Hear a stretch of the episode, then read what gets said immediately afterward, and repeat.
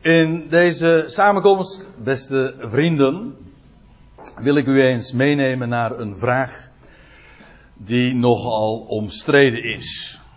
De boodschap die in deze samenkomsten uitgedragen wordt als blijde tijding, die is nou inderdaad op zijn zachtst gezegd, met name juist ook in de christelijke wereld uh, omstreden en ook zeer bestreden. Daar kwam ik juist deze week nog weer eens uh, achter. En het leek mij goed om zo uh, vanmorgen de vragen daaromtrent nog eens een keer goed te bespreken. En vooral de bezwaren die geuit worden, met name vanuit dus de christelijke wereld tegenover deze boodschap om die nog eens voor het voetlicht te plaatsen en ook ja, op zijn merites te beoordelen. Wat is dat nou eigenlijk waard en wat betekenen die bezwaren in het licht van de schrift? Kijk, een, we doen meestal gewoon de Bijbel open. Dat doen we vanmorgen ook. Maar goed, nu rondom een specifiek thema, niet een specifiek Bijbelgedeelte. En de vorige keer hadden we het een paar keer zelfs over. Uh, wat was het ook weer? De versiertoer van. Uh, de versiering van Rebecca. En een tal van andere passages. Maar goed. Waar je dan van tijd tot tijd weer tegenaan loopt, is dat er uh, grote bezwaren, uh, veel strijd is rondom de clue van datgene wat uitgedragen wordt. En ik zal u vertellen wat de aanleiding uh, was. Deze week, toen was daar op Groot Nieuws Radio. Ik weet niet of iedereen van u de, deze, dit radiostation kent. Maar uh, ik ken een aantal mensen die dit uh, heel vaak beluisteren. Vanwege met name de gospelmuziek die gedraaid wordt. In elk geval, uh, Groot Nieuwsradio had deze week een stelling. Daar was ik sowieso van mezelf uit niet zozeer achter gekomen. Maar ik had afgelopen woensdag een mailtje gekregen. met de vraag of ik of er een interview afgenomen zou kunnen worden rondom de stelling van de volgende dag. Ze hebben elke dag een stelling, leggen ze neer en dan kun je dan via de website op reageren. Uh, eens of oneens, eventueel met een toelichting. Dan kun je ook nog je, je telefoonnummer bijgeven, zodat ze je nog uh, eventueel kunnen benaderen tijdens de uitzending. Wat mij dus overkomen is. Uh, maar goed. Eerst in, in aanvang was ik benaderd voor een interview. Ik kwam daar veel te lang laat achter. De deadline was inmiddels verstreken zodat uh, ik, uh, ja, er werd geen interview van mij afgenomen, maar van deze meneer Reinier Sonneveld. Die mocht uh, alsnog gaan uiteenzetten wat, wat, ja, wat dat betekent, alverzoening. En gaat iedereen naar de hemel? Nou, alleen al die gelijkstelling is eigenlijk al tenenkrommend, als je, als u mij vraagt. Want dat is allemaal veel te kort door de bocht. Helaas kwam dat in het gesprek uh, met uh, deze uh, meneer Zonneveld ook totaal niet uit de verf. En. Sorry? Nee. Nee. Ja. Ja, want de aan, dus, dan moet ik het nog eventjes uitgebreider vertellen om, over die aanleiding. Waarom hadden ze deze stelling neergelegd? Omdat een, een week tevoren was er een Nederlands gereformeerd predikant die afscheid genomen had van het kerkverband. Hij was inmiddels trouwens emeritus, dus al te veel gevolgen zal het niet voor hem gehad hebben. Maar uh, deze predikant, Jack Plantinga, die, had, die, die, nam afscheid van het Nederlands gereformeerde kerk. Waarom? Omdat hij van mening was dat daar veel te tolerant gedacht werd over uh, de, de leer van de alverzoening. En dat is toch uh, in de gereformeerde visie toch een dwaalleer. Daar had hij op zich trouwens een punt mee.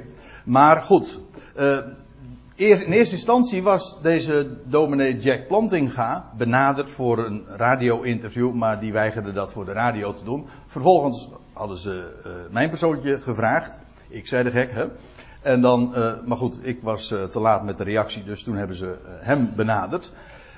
Uh, vervolgens heeft hij, Renier Zonneveld, bracht zo, zo objectief mogelijk in zijn, in zijn optiek uh, wat die leer dan uh, inhoudt. Maar hij bracht ook bezwaren in, de grootste bezwaren in uh, die er daartegen ingebracht worden.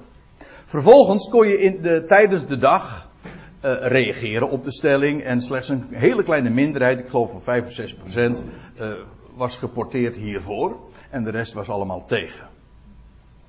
Maar je kon ook dus uh, bezwaren uiten waarom je het er mee eens of juist niet mee eens was.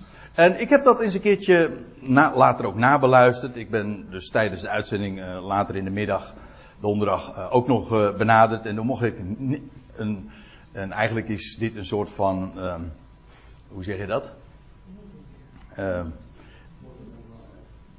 Je moest het, nee, geen moest naar de maaltijd. Maar uh, ik, ik, kon slechts een, een minuutje uh, mijn woord doen. Maar goed, u begrijpt wel, dat is ja, zo'n zo complex onderwerp, zoveel misverstanden, zoveel verwarring.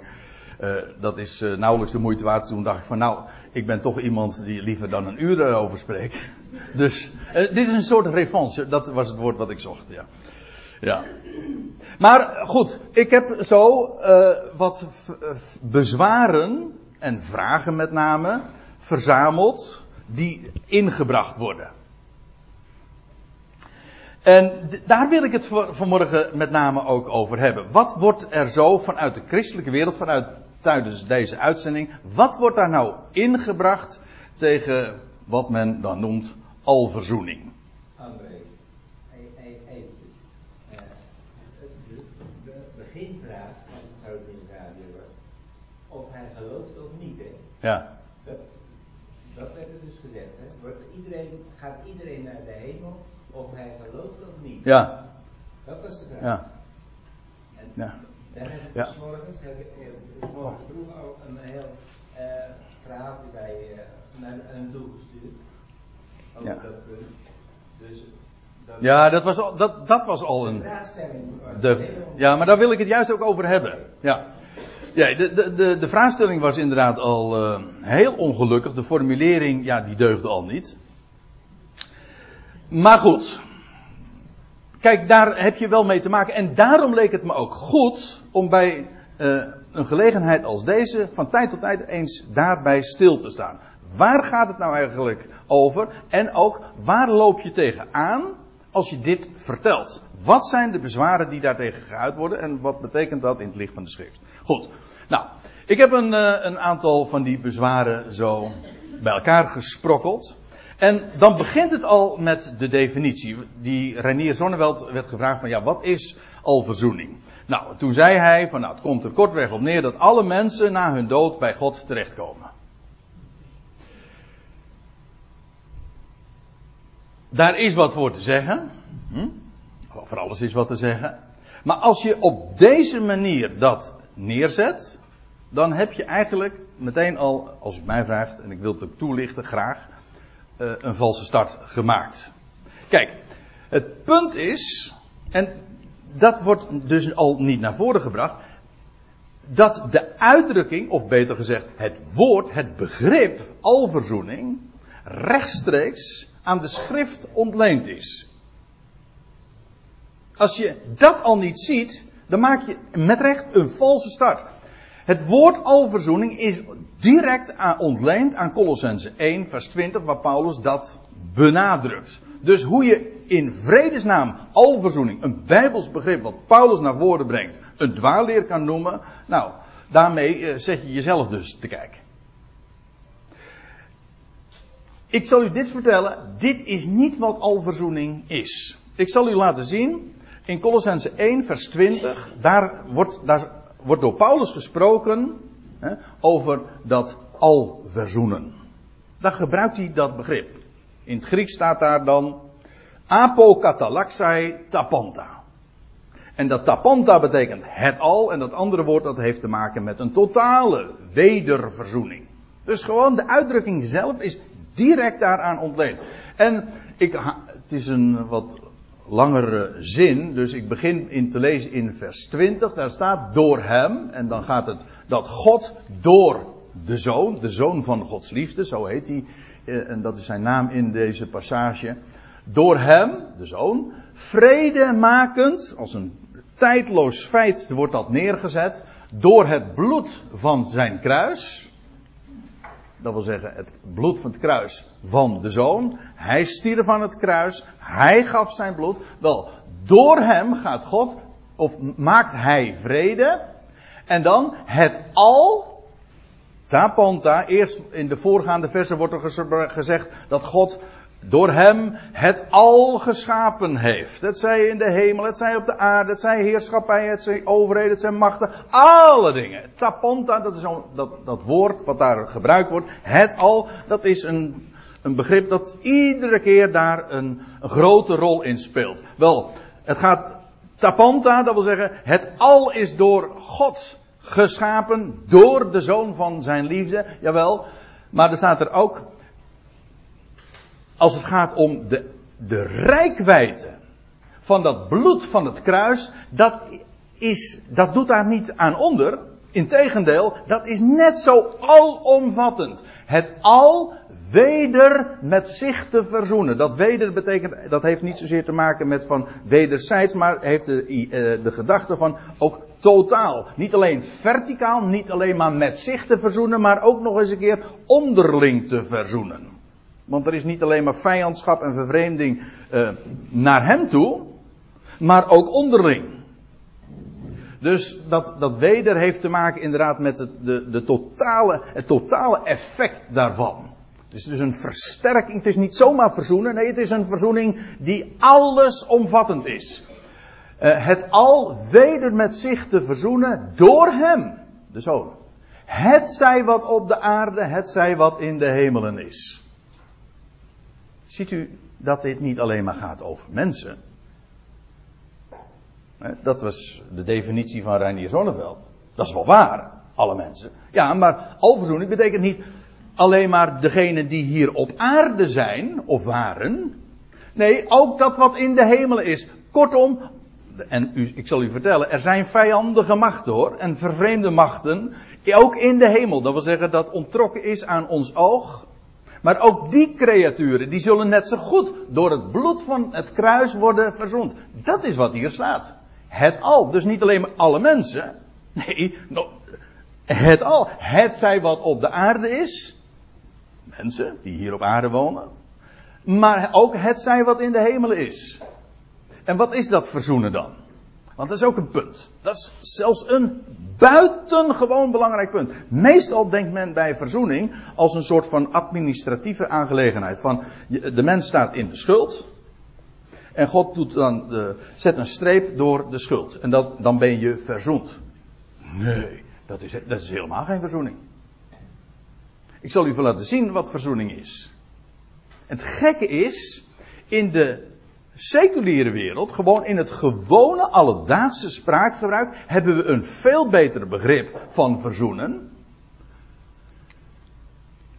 Dan in het kerkelijk spraakgebruik. Want in het kerkelijk, christelijk spraakgebruik denkt men bij verzoenen van de schuld wordt weggedaan. Maar dat is niet wat verzoenen is. Als u in de krant leest over verzoening, dan gaat het over twee partijen die in conflict zijn met elkaar of van elkaar vervreemd zijn en die het weer die het weer goed maken. Die, hebben, die verzoenen zich met elkaar. Als er vijandschap is, is conflict, en dan verzoenen ze zich. Dat wil zeggen, er, ze waren vijanden en ze worden weer vrienden. Dat is wat verzoenen is. Dus dat is maar niet iets wat een schuld die wordt weggedaan. De mens zelf dan, of het schepsel zelf, wordt veranderd. Dat apokatalasso, dat heeft te maken ook, daar zit het woordje veranderen ook in. Je wordt veranderd. Het is dus maar niet, nogmaals, administratief dat er iets uh, doorgestreept wordt. Nee, het is existentieel, als ik het eventjes duur mag zeggen. Dat wil zeggen, het, het raakt de, de existentie, het zijn van de mens. Een mens wordt, of een creatuur, het is nog veel breder, wordt veranderd. En dat dat zo is, dat ziet u ook hier. Ook u, of eigenlijk in meervoud, ook jullie, die eertijds vervreemd en vijandig gezind waart, blijken uw boze werken, heeft hij thans weder verzond. Kijk, het idee is, hier wordt gesproken over het, de verzoening van het al, maar dat is nog, uh, dat is, als het gaat over het al, toekomstig. Zolang er ook nog maar één vervreemd of vijandig gezind schepsel is, is die alverzoening waar hiervan sprake is geen feit. Ja, de garantie ligt er wel. De garantie is dat bloed van het kruis. Maar de uitwerking dat God inderdaad vrede maakt en dat hij alle schepselen van vervreemden en vijandig gezinden tot vrienden en liefhebbers maakt, dat is nog een toekomstig gebeuren. Er is één categorie die er nu al een deel heeft. En dat zijn de gelovigen. Dat is waar Paulus het over heeft. Ook jullie, die eertijds vervreemd en vijandig gezind waren, blijken uw boze werken, heeft hij thans. Ja, het al is nog een toekomstig verhaal, een toekomstmuziek. Maar dit is wat nu reeds een realiteit is. Dat wil zeggen, jullie zijn thans weder verzoend. Dat wil zeggen, niet langer vervreemd en vijandig gezind meer. Ziet u wat verzoening is? Dan zeggen mensen van ja, nee, ik geloof niet in al verzoening, want je moet eerst geloven. Maar dat is nu juist wat verzoening is. Dat een mens veranderd wordt, of bekeerd, of gelovig wordt. Hij overtuigt je, dat is het punt. Het begrip verzoenen is onbekend. Dat heeft trouwens ook erbij te maken, dat moet ik even voor de volledigheid erbij zeggen. En dat is dat er, uh, het woord verzoenen in de Bijbel, uh, het grondwoord daarvoor, dat, dat zijn twee woorden. In Nederlands is het heel lastig. Uh, in het Nederlands, die twee Griekse, maar dat geldt ook weer voor het Hebreeuws. Er zijn twee verschillende begrippen en die worden weergegeven met één woord, verzoenen. Terwijl het twee totaal verschillende begrippen zijn. Dus het verzoenen van zonde is een totaal ander verhaal. Dan moet je ook geen verzoenen noemen, dat heeft te maken met bedekken. Nou, dat wil ik nu even laten voor wat het is. Hier wordt in ieder geval gesproken over verzoenen en wat het is. Terwijl dat leidt geen twijfel, want er wordt gesproken eh, het over, en het wordt ook in feite daarmee gedefinieerd. Verzoenen dat wil zeggen, je bent niet langer vervreemd of vijandig gezind. Dat is wat het is. En van een vijand ben jij een vriend of een liefhebber geworden. En let op, wie doet dat? Het is niet zo, het schepsel verzoent zich met God. Nee, helemaal niet. Er staat, door hem, gaat het over God, is die handelt vredemakend. Dus God is degene die handelt. Hoe doet hij dat? Door hem. En wel door het bloed van het kruis. Verzoent hij het al weder met zich. Wie is hier handelend? Wie verzoent? Niet de mens verzoent zich met God. Nee, God verzoent die vijanden of vervreemden met zich. Hij is de handelende persoon. Dat wil zeggen, hij maakt vijanden tot vrienden of liefhebbers. Ja, dan heb je trouwens ook meteen een heel andere vraag beantwoord. Maar op dat bezwaar gaan we er straks ook nog in. Over die vrije wil. Maar goed. Laten we het nog eens eventjes op een rijtje zetten. Even wat deze definitie betreft. Alverzoening is, eh, dat was wat uh, Reinier Zonneveld erover zei. Alle mensen komen na hun dood bij God terecht. Nou, A. Dat is niet wat verzoenen is. Verzoening betekent vijandschap en vervreemding verandert in vriendschap. Dat, of, of liefde. Maar in ieder geval dat de vijandschap en de vervreemding voorbij is. Dat is wat verzoening is. En alverzoening betekent, is, betekent dus, of dat God het al verzoent, wil zeggen dat hij elke creatuur, het zij hier op aarde, het zij in de hemel, gewoon het al, dat hij welk vijandig of, of vervreemd schepsel ook verandert. En dan zeggen mensen, ja maar, je, je moet je wel eerst. Hè? Je moet je eerst bekeren. Dat is onzin. Als je eenmaal weet wat verzoening is, is dat zelfs dwaasheid. Dat is namelijk precies wat verzoenen is. En ik ga het nog sterker vertellen. Vijandschap is dus geen blokkade voor verzoening. Het is een voorwaarde om verzoend te worden.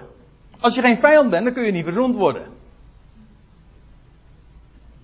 Het is dus precies omgekeerd. Men zegt van ja, maar oh, er zijn, dat zei Reinier Zonneveld, er zijn sommige mensen zo, die zo erg niet bij God willen horen. Hm? Ja, nou, dan, dan houdt het op. Ja, die zijn dus, dat zijn dus met recht echt vijanden. En wat gebeurt daar dan mee? Staat, zit God dan met de hand? Nee. Want de mensen, er heeft een kruis in deze wereld gestaan. Dat is, dat is Gods bewijs van zijn liefde. En daarmee overweldigt hij iedereen. Nou, wat is de rijkwijde van die verzoening? Uh, dat is het al. Dat staat er. Dus als mensen zeggen van alverzoening is een dwaalleer, daarmee beschuldig je Paulus van een dwaalleer. Ik vind het prima als je het zegt, maar weet wel wat je zegt dan. Zo prima is het dus niet, maar goed. Hè? Maar om het even duidelijk te hebben. En bovendien, God is het die verzond.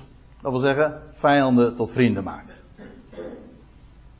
En God verzond door, door het bloed van het kruis. Want dan, begrijp, dan ga je dat ook begrijpen. Hoe maakt God vijanden tot vrienden? Wel, door het bloed van het kruis. Kijk, dat bloed van het kruis, dat is een daad van vijandschap. Er is nooit heeft de wereld zoveel vijandschap en vervreemding gedemonstreerd dan toen ze Gods zoon aan het kruis sloegen. Of niet soms. Dat was vijandschap per zang, nietwaar? Dat was echt. Waarin de wereld toonde de vervreemde houding ten opzichte van God. Maar wat doet God?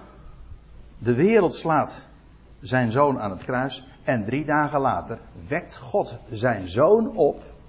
Waarom? Om aan die wereld het leven te geven. Dus zo doet God vijandschap er niet. Als God leven gaat geven aan, een, aan, aan stervelingen. Wel, dat bewijst zijn liefde. Dat wil zeggen, geen vijandschap zo groot, dat is juist wat het kruis bewijst, Gods liefde overtreft het. Altijd.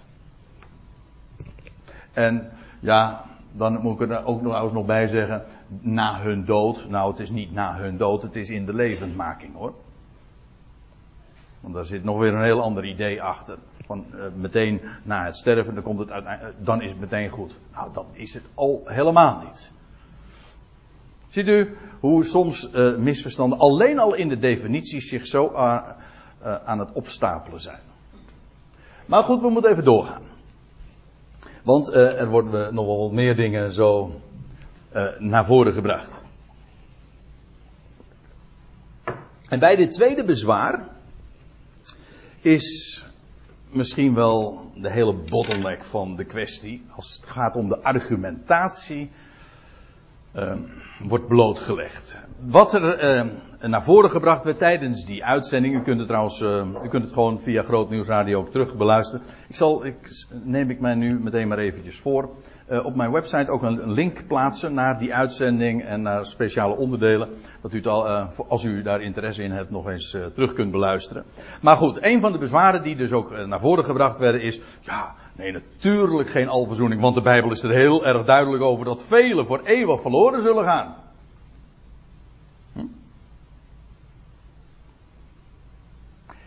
Kijk, dit is nou een argument dat hout snijdt. Dat wil zeggen, het zou hout snijden als men wist wat men zei. Maar dit komt niet zozeer.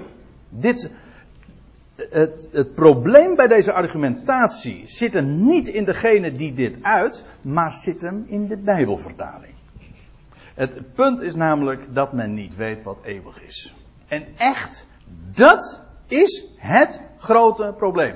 Waarom zien mensen die waarheid van alverzoening niet? Staat dat dan niet duidelijk in de Bijbel? Jawel, maar de Bijbel zegt ook, spreekt over eeuwige straf, eeuwige verlorenheid en, en, en begrippen als, uh, als deze. Kijk, als dat zo is, stel je voor, er is inderdaad zoiets als eeuwig verloren gaan. In de gebruikelijke, gewone zin van het woord. Ja, dan komt het nooit meer goed, toch? Dus dan kan, alverzoening kan niet waar zijn tegelijkertijd met eeuwig verloren. Want dan komt, dan komt het nooit meer goed. Tenzij je weet, echt weet, wat eeuwig is. Kijk, eeuwig, dat houdt niet verband met een eeuwigheid. Dat is een, nou, een misverstand. Ik, eh, het is veel meer dan een misverstand. Want eh, op het moment dat je dat gelooft, toen men van aion, want dat is het Bijbelse woord, een eeuwigheid maakte, Toen heeft men een bom gelegd. Men, ik bedoel eigenlijk ook de tegenstander. Want onder het evangelie van de hoop. Want die verdragen elkaar niet. Dan, dan wordt het namelijk een hopeloos verhaal. Dan komt het nooit meer goed met degene die verloren is. Of uh, in verband met de straf, de eeuwige straf. Eeuwig houdt verwant met eeuw, aion. Nou, bij andere gelegenheden heb ik dat uitgebreid bezien en ook wel besproken. En voor de meesten van u denk ik dat dit ook wel bekende stof is, maar ik wil gewoon dit even goed onderstreept hebben. Juist omdat dit een telkens terugkerend bezwaar is. Kijk, een aion in de Bijbel is een tijd met een begin en een einde. Dat kan ik heel gemakkelijk aantonen, want de Bijbel spreekt over voor de aiona. En. Nou. Ja. Nou, eh, ja. Nee, ga je gang, André.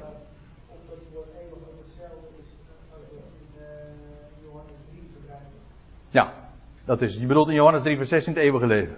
Ja, daar kom ik het uh, ook nog over, uh, André. Want uh, dit is, het is een begrip met een begin en een einde.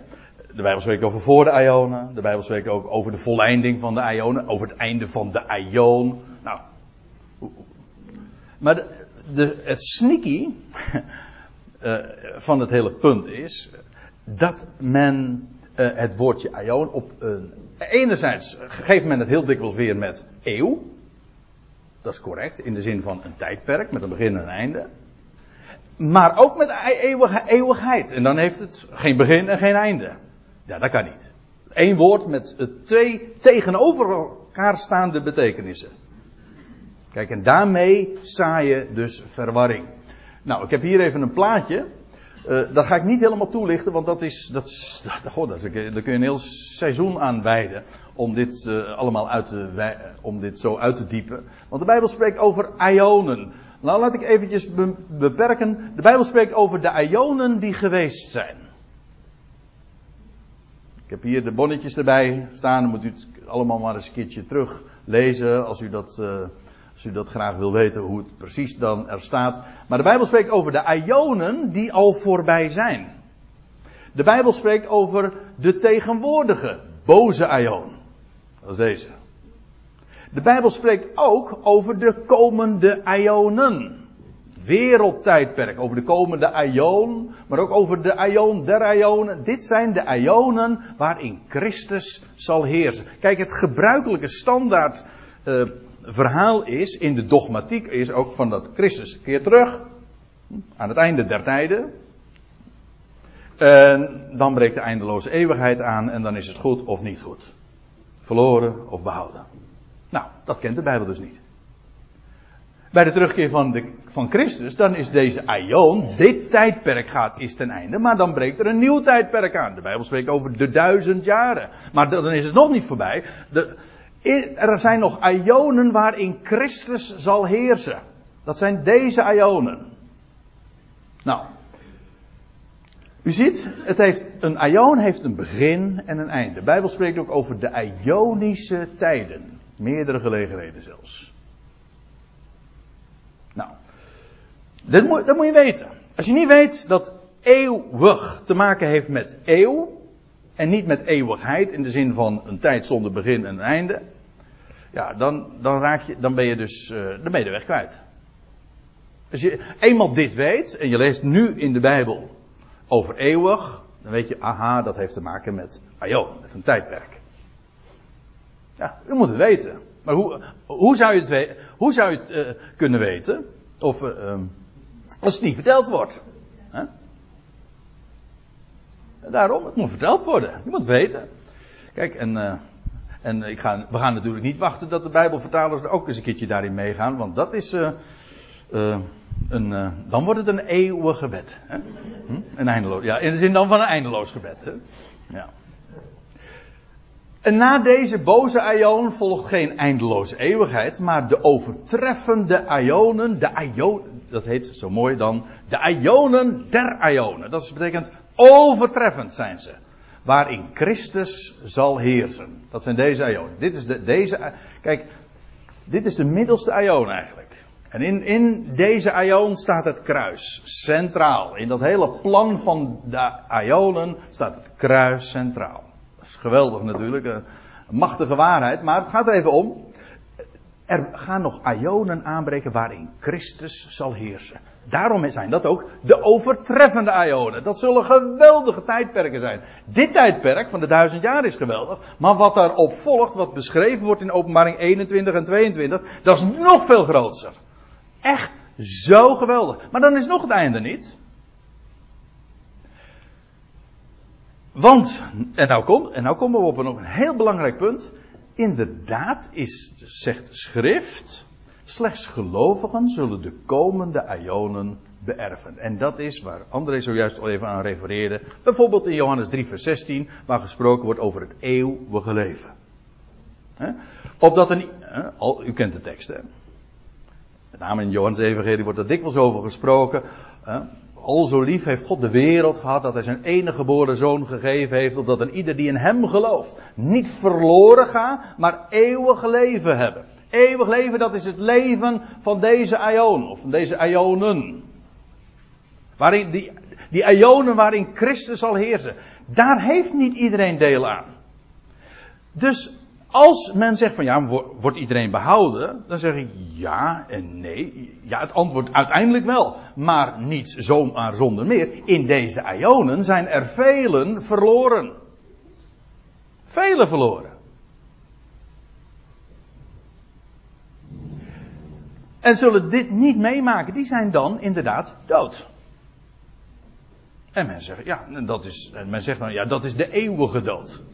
En eh, hier zie je, komt dat misverstand weer levensgroot op ons af, want men denkt dan van eeuwige dood, ja, dat is de eindeloze dood. Nou, laat ik u dit vertellen, als je het evangelie kent, dan, dan zou het, dat begrip eeuwige dood, in de zin van eindeloze dood, natuurlijk nooit hier in je hart terecht kunnen komen. Ik zeg het sterk nu, eigenlijk bedoel ik het ook zo. Want wat is de evangelie? De evangelie is toch de boodschap, Jezus Christus heeft de dood overwonnen. En wat betekent dat wel? Dat hij de garantie geeft daarin dat de dood te niet gedaan zal worden. Er zal geen dood meer zijn. Weet u wat dat betekent? Weet u hoe hij de dood er niet doet? Door allen levend te gaan maken. En als alle levend zijn gemaakt, ja, dan is er geen dood meer. De dood heeft nooit in de Bijbel het laatste woord. De dood is overwonnen en dat betekent uiteindelijk wordt ze teniet gedaan. Inderdaad, de Bijbel zegt dat is pas aan het eind. Het is de laatste vijand die teniet gedaan wordt. Je leest, Christus zal heersen. Dan zeggen ze ook al van, vraag eens een keertje aan een gemiddelde christen, een doorsnee kerkmens. Of evangelisch, rooms-katholiek, maakt niet uit. Uh, hoe lang zal Christus heersen? Dan zeggen ze, tot in alle eeuwigheid. Wij weten inmiddels, hè, wij, krusjes hè, bij elkaar, sorry. Uh, aha, wat betekent dat? Dat betekent, hij zal heersen in de komende ionen, maar niet altijd. Nee, hij moet heersen totdat, staat er in 1 Korinthe 15. Totdat hij al zijn vijanden onder zijn voeten gelegd zal hebben. De laatste vijand die hij te niet doet, dat is de dood. En als het de dood teniet gedaan wordt, dan worden de laatsten, dan worden dan allen levend gemaakt. Ja. En dan is de volleinding van de Ionen. Ja, en daarmee ben ik dus bij het vierde punt gekomen. Pas aan het einde van Christus heerschappij wordt de dood teniet gedaan. Dat wil zeggen, dan zal er geen dood meer zijn, dan zal het leven triomferen. En dan pas wordt God alles in allen. Dus God wordt niet alles in alle in deze ionen. Kijk, en dan zegt men van, uh, nee hoor, in de Bijbel staat heel duidelijk dat alleen degene die gelooft, hier aan, deze tijd, aan deze tijdperken deel zullen hebben. Hoe lees je? In, dan zegt men, kijk maar in openbaring 21 en 22. Dan staat er van, uh, over dat nieuwe Jeruzalem. En dan staat er, buiten zijn de, de ongelovigen enzovoorts. En hun deel is in de tweede dood. Zie je wel, zeggen ze dan. Daar in openbaring 21, 22. Daar is nog steeds dood. Ja, maar kijk. Als je Washington zoekt. Dan moet je niet in Rusland wezen, niet in Afrika en niet in Australië. Kijk, het is toch onzin om te zeggen, ja, ik heb, ik heb op de kaart gekeken van Afrika. Er is helemaal, er is helemaal geen Washington, joh. En in Rusland ook niet. Nee, je moet op de goede plaats kijken. En als je wil weten, die behoudenis van allen. Of de verzoening van allen, of de levendmaking van allen. Ja, moet je wel op de goede plaats en ook de goede tijd kijken. Moet je niet hier wezen. Hier is dat nog geen realiteit. Hier is al verzoening nog niet, geen, uh, nog niet gerealiseerd. Dat is pas aan de voleinding van de Ionen. Niet eerder. Dus je moet de dingen wel uit elkaar houden. Niet alles tegelijk. Ieder in zijn eigen rangorde. Nou, dan heb ik er nog één. Nog een bezwaar. Die geuit wordt. Men zegt, dat was wat Reinier Zonneveld ook erg hoog opnam. Nee, hij zegt alverzoening, daar komen de misdadigers veel te makkelijk mee weg. Zo zei hij het. Dat doet namelijk ons gevoel voor rechtvaardigheid tekort. Er moet wel recht gedaan worden. En als hij dat zo zegt, dan zeg ik volledig bijbels gedacht. Maar hoe dit een bezwaar kan zijn tegen alverzoening, dat, is, dat ontgaat mij. Ja, of je moet een volkomen verwrongen idee hebben van alverzoening, en dat was inderdaad al gebleken. Maar alverzoening doet de rechtvaardigheid uh, tekort. Kijk, het idee was, ik geloof dat het in, tijdens de uitzending ook nog even naar voren kwam. Hè, dan worden er uh, namen genoemd van mensen uh, die algemeen bekend staan als, nou dat is toch wel het, dat is het ergste van het ergste. Die zijn zo vijandig, dat, die, dat is zo misdadig. Denk je werkelijk dat het daar goed mee komt? En dan worden de namen van Hitler of Idi Amin of weet ik veel wie genoemd. Hm. Ja, ik moet altijd denken aan, uh, aan Klaas Schoverts. Die zei van, toen iemand de, de, vraag aan hem stelde van geloof jij uh, dat Hitler dus ook behouden wordt? En toen zei hij uh, tegen die mevrouw, oudere mevrouw van, ik was er zelf bij, het was echt lachwekkend. Ik zal het nog sterker vertellen mevrouw, zelfs u wordt behouden. ja.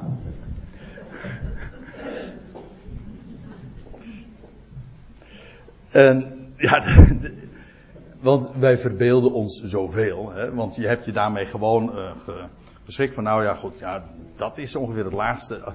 Da denk je nou werkelijk dat daar hoop voor is? En daarmee heb je jezelf natuurlijk heel positief gepositioneerd, hè, zoals dat deftig heet. Maar dat is niet leven uit genade natuurlijk. Want dan weet, als je weet wat genade is, dan zeg je, ik heb niets verdiend. Niets van mijzelf. Het is zijn werk. Is dat niet de hele Bijbelse boodschap? Niks van. Dat alle roem is uitgesloten. Maar hoe zit dat dan met die rechtvaardigheid van. Uh, oh ja, want dat is wat ik uh, net wilde zeggen. Uh, die. Men noemt dan namen en dan zegt van. Stel je voor, Hitler, die uh, in zijn vijandschap dan sterft. En, en met alles wat hij heeft aan ellende heeft veroorzaakt verdriet, de pijn, de moeite. En hij sterft en hij komt bij God terecht. En kom maar binnen met je knechts. Ik zeg nou eventjes, eh, dat is dan het idee, dat kan toch niet? Nee, dat is ook helemaal niet zo. Dat is ook helemaal niet waar. Kijk, rechtvaardigheid. Dat is een mooi woord, hè? Als je het in het Nederlands ook uh, uh, uitlegt rechtvaardig wil eigenlijk zeggen vaardig in het recht. God is rechtvaardig. Dat wil zeggen, hij doet recht. Hij zet recht. Alles wat uh, niet uh, recht staat of scheef staat, dat zet hij recht. Hij doet recht, maar hij brengt ook te recht. Er zit in heel veel in dat woordje recht. God is rechtvaardig. En de Bijbel zegt, Um, ik heb hier geen schriftverwijzing, ben ik vergeten erbij te plaatsen.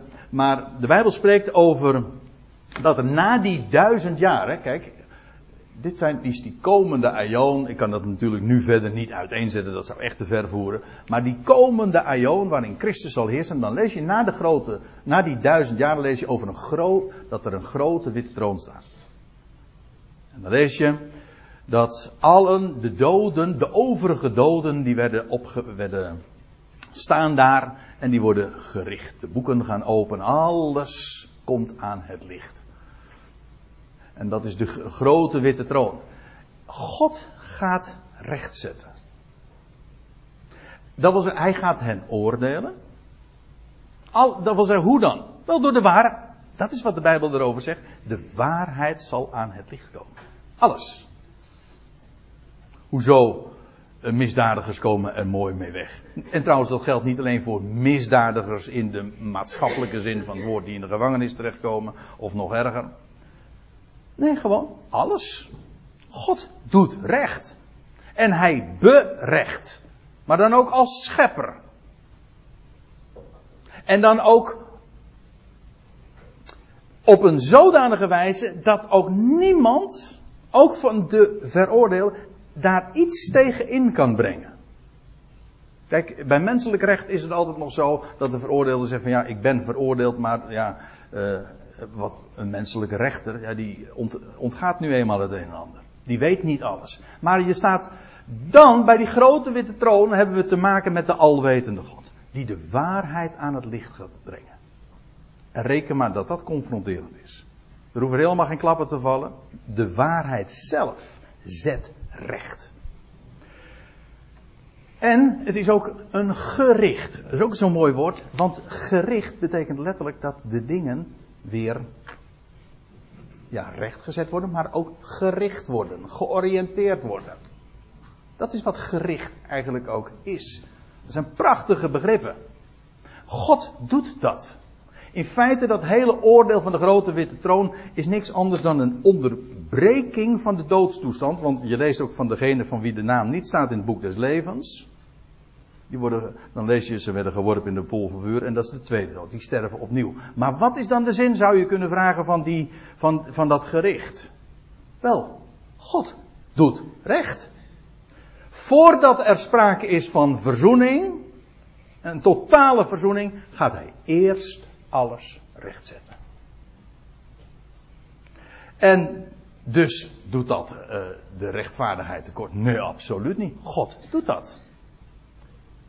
En hoe maakt God vijanden tot vrienden? Dat doet hij, daar verandert hij, hij verandert mensen, hij verandert creaturen door de dingen aan het licht te brengen. Dat is zijn rechtvaardigheid. Er is veel meer over te zeggen dan ik nu doe, maar het gaat eventjes om, om, de, om het principe. En dan nog iets. Gods rechtvaardigheid staat niet tegenover zijn liefde. Zo wordt het meestal voorgesteld. Hè? Dat, in tijdens die uitzending ook. Ja, God is niet alleen maar liefde. Hij is ook rechtvaardig. En dan krijg je het idee van eh, twee tegenpolen. Maar zo is het in de Bijbel niet. Gods recht, zijn rechtvaardigheid, geldt trouwens ook voor zijn toorn, zijn straf, staat niet tegenover zijn liefde. Het vloeit eruit voort. Juist omdat hij, en ja, hoe vaak wordt dat niet in de Bijbel ook vergeleken? Zoals een vader zijn kind corrigeert of straft en boos daarop is.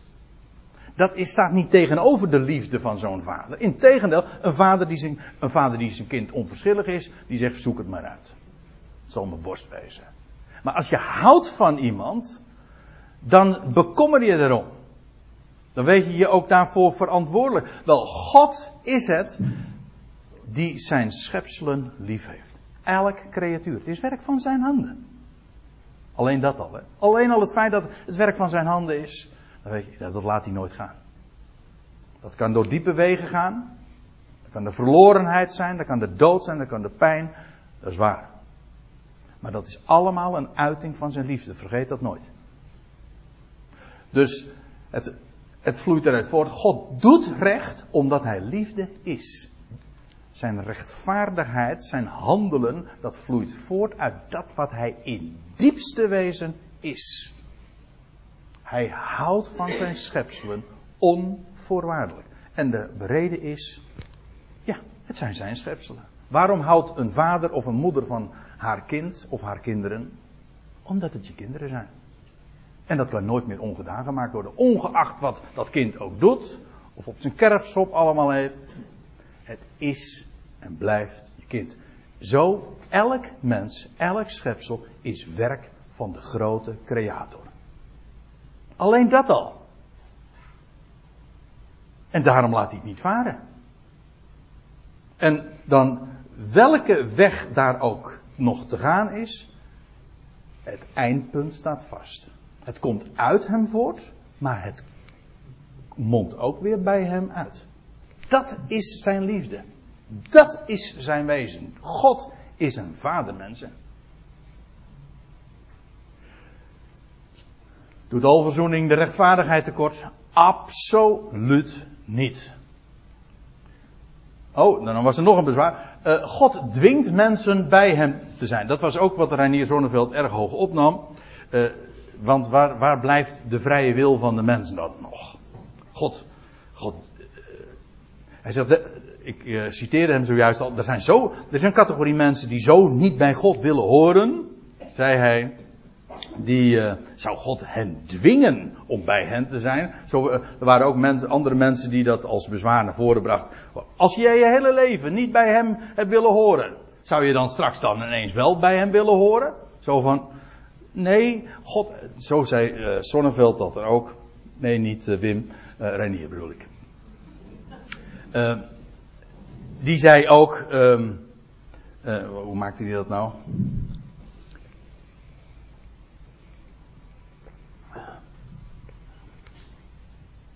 Ik ben het even kwijt.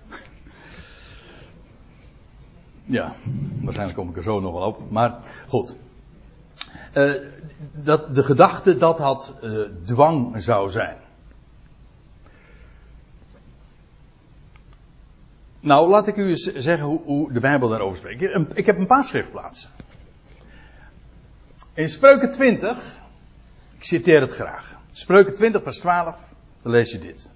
Dan gaat het over u en mij als mens. We hebben een oog, we hebben een oor. En dan staat er het oor dat hoort. Het oog dat ziet. De Heere heeft beide gemaakt. En dat is letterlijk, ik bedoel materieel, zo, lichamelijk. Maar het is ook in geestelijke zin. Als je dingen mag verstaan. Als je dingen mag zien, geestelijk. Ja, hoe komt dat? Het gekke is, materieel gezien hebben we er geen moeite mee. Dan zeggen we allemaal van, we zeggen dan van iemand die blind is, ja, god, die, die ziet het niet. Ja, dat is, uh, dan, da, daar, daar hebben we, daar bekommeren we ons op, nietwaar? Geestelijk vinden we dat heel wat lastiger. Ik geef toe, het heeft ook verschillende kanten. Maar de essentie is, uh, geen mens heeft zichzelf gemaakt. We zijn allemaal schepselen. Het oor dat hoort het oog dat ziet, de Heer heeft beide gemaakt. Als je dingen mag voorzien, als je dingen mag verstaan, hoe komt dat? Wel, de Heer is het die dat maakt. Eh, in Handelingen 16, vers 14, daar lees je over die vrije wil van de mensen. Dan staat er van Lydia, de purperverkoopster. En dan staat er, en de Heer opende haar hart. Zodat ze aandacht schonk aan hetgeen door de Heer gezegd werd. Hé, hey, uh, respecteerde God de vrije wil van Lydia hier niet? Hoe uh, zit hij dan aan het hart van een mens? Ja, God. Uh, ik zal het nog sterker vertellen. Uh, de Bijbel spreekt over God die de harten ook verhardt, toesluit. Dat doet hij ook. En bij gelegenheid opent hij het. We hebben het nu over God, de schepper, in Romeinen 11, vers 32, daar lees je, want God heeft allen, hen allen, gaat over Jood en Heiden, allen onder ongehoorzaamheid besloten. Hey, kijk, alle mensen zijn zondaren. Hè? Ja, hoe komt dat? Dat het heeft ook met onze Adamitische afkomst te maken. God heeft dat zo beschikt. Hoezo vrije wil? Er heeft, geen mens heeft ervoor gekozen A, om geboren te worden. Om, geen mens heeft ervoor gekozen om een sterveling te zijn. Geen mens heeft ervoor gekozen om een zondaar te worden. Als er al iemand daarvoor in aanmerking zou komen, dan was het Adam. Dat zou je dan nog kunnen verdedigen. Maar in ieder geval wij niet. En Adam is weer een verhaal apart. Maar in ieder geval, nee, je bent gewoon zo geboren. Dat is je kom af. En je bent daaronder besloten. Maar... Uh, als je hier een punt zou zetten, dan zou het heel erg tragisch wezen. Maar het geweldige is juist dat dit een type is, of zo u wilt, het antitype van hoe het zal zijn. Hij heeft nu allen onder de ongehoorzaamheid besloten. Dat is wat een Adamiet is van huis uit. Wel, maar waarom? Om zich over allen te ontfermen. Allen. Dwingt God mensen bij hem te zijn? Waar is de vrije wil? Wel, God, en dat is mooi. God heeft helemaal geen dwang nodig om iemand iets te laten doen. Kijk, dwang wil zeggen dat je iets niet vrijwillig doet. Maar God heeft geen dwang nodig om iemand iets te laten doen. Waarom? Omdat hij beschikt niet alleen over de omstandigheden, maar hij beschikt over de mens ook. Hij opent ogen, oren, harten. Kortom, niets ontgaat hem. Daar is hij God voor. En dan nog iets. God is de schepper van alles. Elk mens is een creatie van hem. Ik zei zojuist al, geen mens heeft zichzelf gemaakt. Het feit dat ik dingen mag zien en verstaan, dat is het feit, dat is het werk van de grote schepper. En ik prijs hem voor het feit dat ik nu de dingen mag zien. Maar oh wee, op het moment dat ik me daarop zou gaan beroemen, dan ontgaat je de clue. Namelijk, het is zijn verdienste. En bovendien, kijk, elke keuze die een mens maakt, dat, uh, dat zegt trouwens, dit is niet alleen maar iets wat er in de, uh, vanuit de, dat je vanuit de Bijbel kunt zien. Ook in de wereld weten ze dat. Dan wordt er gezegd, ook in de wereld uh, wordt de vrije wil ontkend. Gewoon om in, hoe, heet die hersenchirurg ook alweer? Uh, Swaap, ja. Ja, die zei dat ook. De mens heeft helemaal geen vrije wil, zegt hij. Nou, ben ik helemaal geen zwaapaanhanger, begrijp me goed. Uh, maar hij zei van ja, uiteindelijk een mens, wat de keuzes die je maakt, die zijn door twee factoren bepaald. In het Engels zeggen ze dan door nature en nurture. Dat wil zeggen, even voor het gemak, erfelijkheid. Gewoon dat wat je bent. Het erfelijk materiaal waaruit je samengesteld bent. Heb je daar invloed op gehad? Nee toch? Wanneer je geboren werd, waar je geboren, wie je ouders zijn. Nou ja, maar het bepaalt wel je lot. Je hebt er niet voor gekozen. En dan vervolgens zijn het niet alleen, is het niet alleen het erfelijk materiaal, maar ook nog eens de omstandigheden waarin je dan vervolgens geplaatst wordt. Alle invloeden waar je mee te maken hebt. Dat wat je bijgebracht is van huis uit, wat je op school te horen krijgt, enzovoort, enzovoort. Dat zijn miljarden factoren. Die allemaal maken, de mens maken tot wie die is. En die dus ook zijn keuzes bepalen. Je maakt, je maakt keuzes op basis van de informatie die je hebt. Ja, maar goed, hoeveel informatie heb je? En, en, en dan nog. Dan word je nog vaak gestuurd. Ik bedoel dit te zeggen. We zijn zo klein. We zijn slechts schepseltjes. En we denken maar al zo groots. Wel nee joh. We zijn schepseltjes. We zijn klei in de hand van de pottenbakker. Hij is de schepper van alles. Hij sluit harten, jawel, maar hij opent ze ook. Ja, dan heb ik er nog één. Moeten nu even uh, doorgaan. Alverzoening, dat was ook een punt. Oh, dat zei ook meneer uh, Zonneveld. Alverzoening, ja of niet. Hij uh, probeerde het zo objectief mogelijk te melden. Hij zegt, het is niet zo duidelijk in de Bijbel. Dat doet me denken aan iemand die een beslagen bril heeft en naar buiten kijkt en zegt, goh, wat is mistig zeg vandaag. Hm? Nee, dat heeft niet te maken met de mist buiten. Dat, nee, dat heeft te maken met jouw beslagen bril. Kijk, hij zegt het is niet zo duidelijk in de het is glashelder. Het punt is, de vertalingen, die hebben ons op een verkeerd spoor gezet. Dat is het grootste probleem. Echt. De schrift is helder. Ze spreekt niet van een eeuwigheid. Als, als de Bijbelvertalingen ons daarin gewoon eerlijk zouden voorlichten, dan zouden we het, dan zouden we het zien. De Bijbel spreekt niet over eeuwigheid, maar over ionen.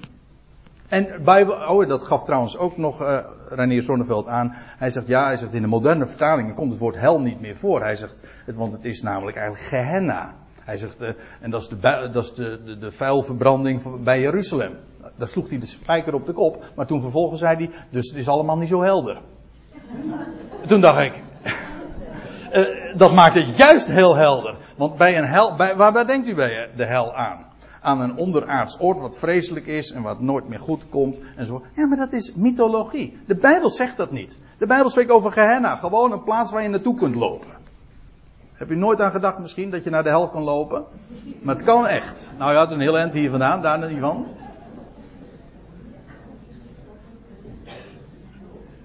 Als iemand dat tegen je zegt, dan zeg je ja, dat klopt. Je kunt naar de hel, dat kan je zeker. Je kunt je daar ook laten vereeuwigen. Hm? Heb ik ook wel eens gedaan. Nou, ik bedoel, dit. Als dat gewoon zo. Dat is, het enige positieve van de, de, de, laatste. Eh, nou, het enige, dat is nou. Uh, nou moet ik niet overdrijven natuurlijk. Maar een van de positieve dingen, laat ik het dan zo zeggen, van de modernste vertaling, de MBV, is dat de hel verdwenen is.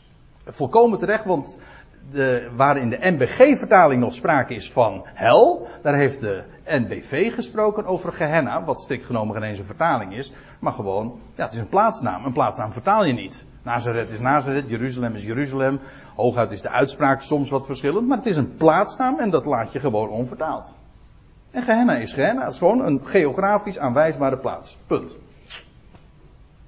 En als, je, en als Aion geen eeuwigheid daarvan gemaakt zou zijn, ja, dan hadden we het ook geen probleem gehad met eeuwige verlorenheid. En dan zeggen we, nee, dat, kan dus nooit te rijmen zijn met alverzoening. Jawel, natuurlijk. Laat alles op zijn plaats. Moet er, en dat is, de, dat is eigenlijk de bottom line van wat ik vanmorgen wil vertellen. Ga niet het een tegen het ander wegstrepen. Het, de ene waarheid in de Bijbel moet je niet afstrepen of wegstrepen tegen de andere waarheid. Laat het op zijn plaats staan. Velen gaan verloren voor de Ionen. Als, die, als dat meisje uh, weer uh, zei uh, van ja nee ik geloof er niet in want de Bijbel is volstrekt helder dat mensen verloren zullen gaan. Dat is waar. Dat is waar. Maar verloren gaan staat niet tegenover behouden worden. Sterker nog, je kunt alleen maar gered worden of behouden worden als je eerst verloren was. Hoezo behouden worden als, als je niet eerst verloren was? Velen gaan verloren voor de Ionen. Eeuwig verloren. Ja, en toch, God is een redder van alle mensen. Het ene is waar, het andere is net zo goed waar. Dus het is niet een kwestie van geloof je het een of geloof je het ander. Geloof alles. Dat is het grote probleem van die Emmausgangers ook, weet u nog? Die geloofden één deel van de profetie over Christus. Nee, dus, en dan is het de Heer die ze verwijt van, oh onverstandige en trage van haar dat gij niet gelooft. Alles! wat de profeten gesproken Niet het één deel. Alles. God is rechtvaardig, inderdaad, door alles te berechten, ook te richten. Maar ook en ontfermen door zo allen terecht te brengen. Dat staat niet tegenover elkaar. Dat sluit naadloos uh, aan. En dat is nu juist het een bevestigt het ander. En bovendien, God dwingt niemand voor hem te kiezen. Ze zullen allen vrijwillig Jezus als Heer beleiden. Al die schriftplaatsen, ik laat het vanmorgen allemaal uh, onbesproken. Ik kan dat niet noemen waar dat allemaal zo staat. Maar de schrift zegt dat. Alle tong zal beleiden. Tot eer van God de Vader. Jezus is Heer. Gods liefde overwint. Nou, nou sluit ik af met waar ik mee begonnen ben. Er staat in Colossense 1. Want, en waarom sluit ik ermee af, dat zal ik even toelichten. Er kwam ook nog eventjes ter sprake, ja, hoe belangrijk dat was. Deze, deze hele vraag. Kijk, dan ga ik ook iets positiefs over die dominee Jack. Nou ik weer zijn naam kwijt. Plant ik ga zeggen. Die zei van, dit is een hele fundamentele kwestie. Dit is heel fundamenteel. Als men daar zo over denkt, ja, dan is het een afwijking van het evangelie. En dan zeg ik, daar heeft hij een punt. Dat is waar. Reinier Zonneveld, die zegt, ja, kijk, je kan er zo over denken. Hij, hij was er zelf niet voor geporteerd. Voor alverzoening, nee, want dat doet, uh, daar komen de misdadigers te makkelijk mee weg. Maar nee, ik vind het niet zo belangrijk dat dat nou echt een, een, een schisma of een, een, strijdpunt is. Het evangelie is, hij zegt, het evangelie is er niet mee in het geding. En ik zeg, het evangelie is er wis en waarachtig mee in het geding. Echt. Het is maar niet een, een voetnootje of een ja, punt 72. Nee, het is de essentie. In Colossense 1, vers 20, daar staat door hem, vredemakend, door het bloed van zijn kruis, het al weder met zich te verzoenen. Door hem, het zij wat op de aarde, het zij wat in de hemel is. En dan moeten ze even, even doorlezen. Dan komen we in vers 23. En dan zegt Paulus dat je wel gegrond en standvastig blijft in dat geloof. En u niet laat afbrengen, let op, van de hoop van het evangelie.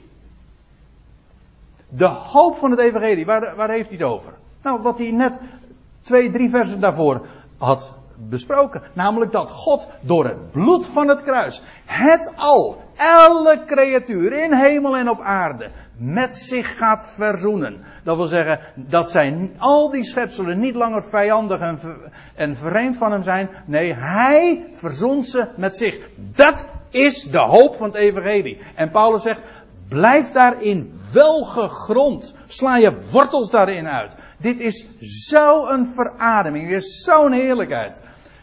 Blijf daarin staan. Dat is in geloof. Niet in werken. Het is zijn werk. Laat je er niet van afbrengen van de hoop van het evangelie. Hoezo? Want niet belangrijk. Dit is de hoop van het evangelie.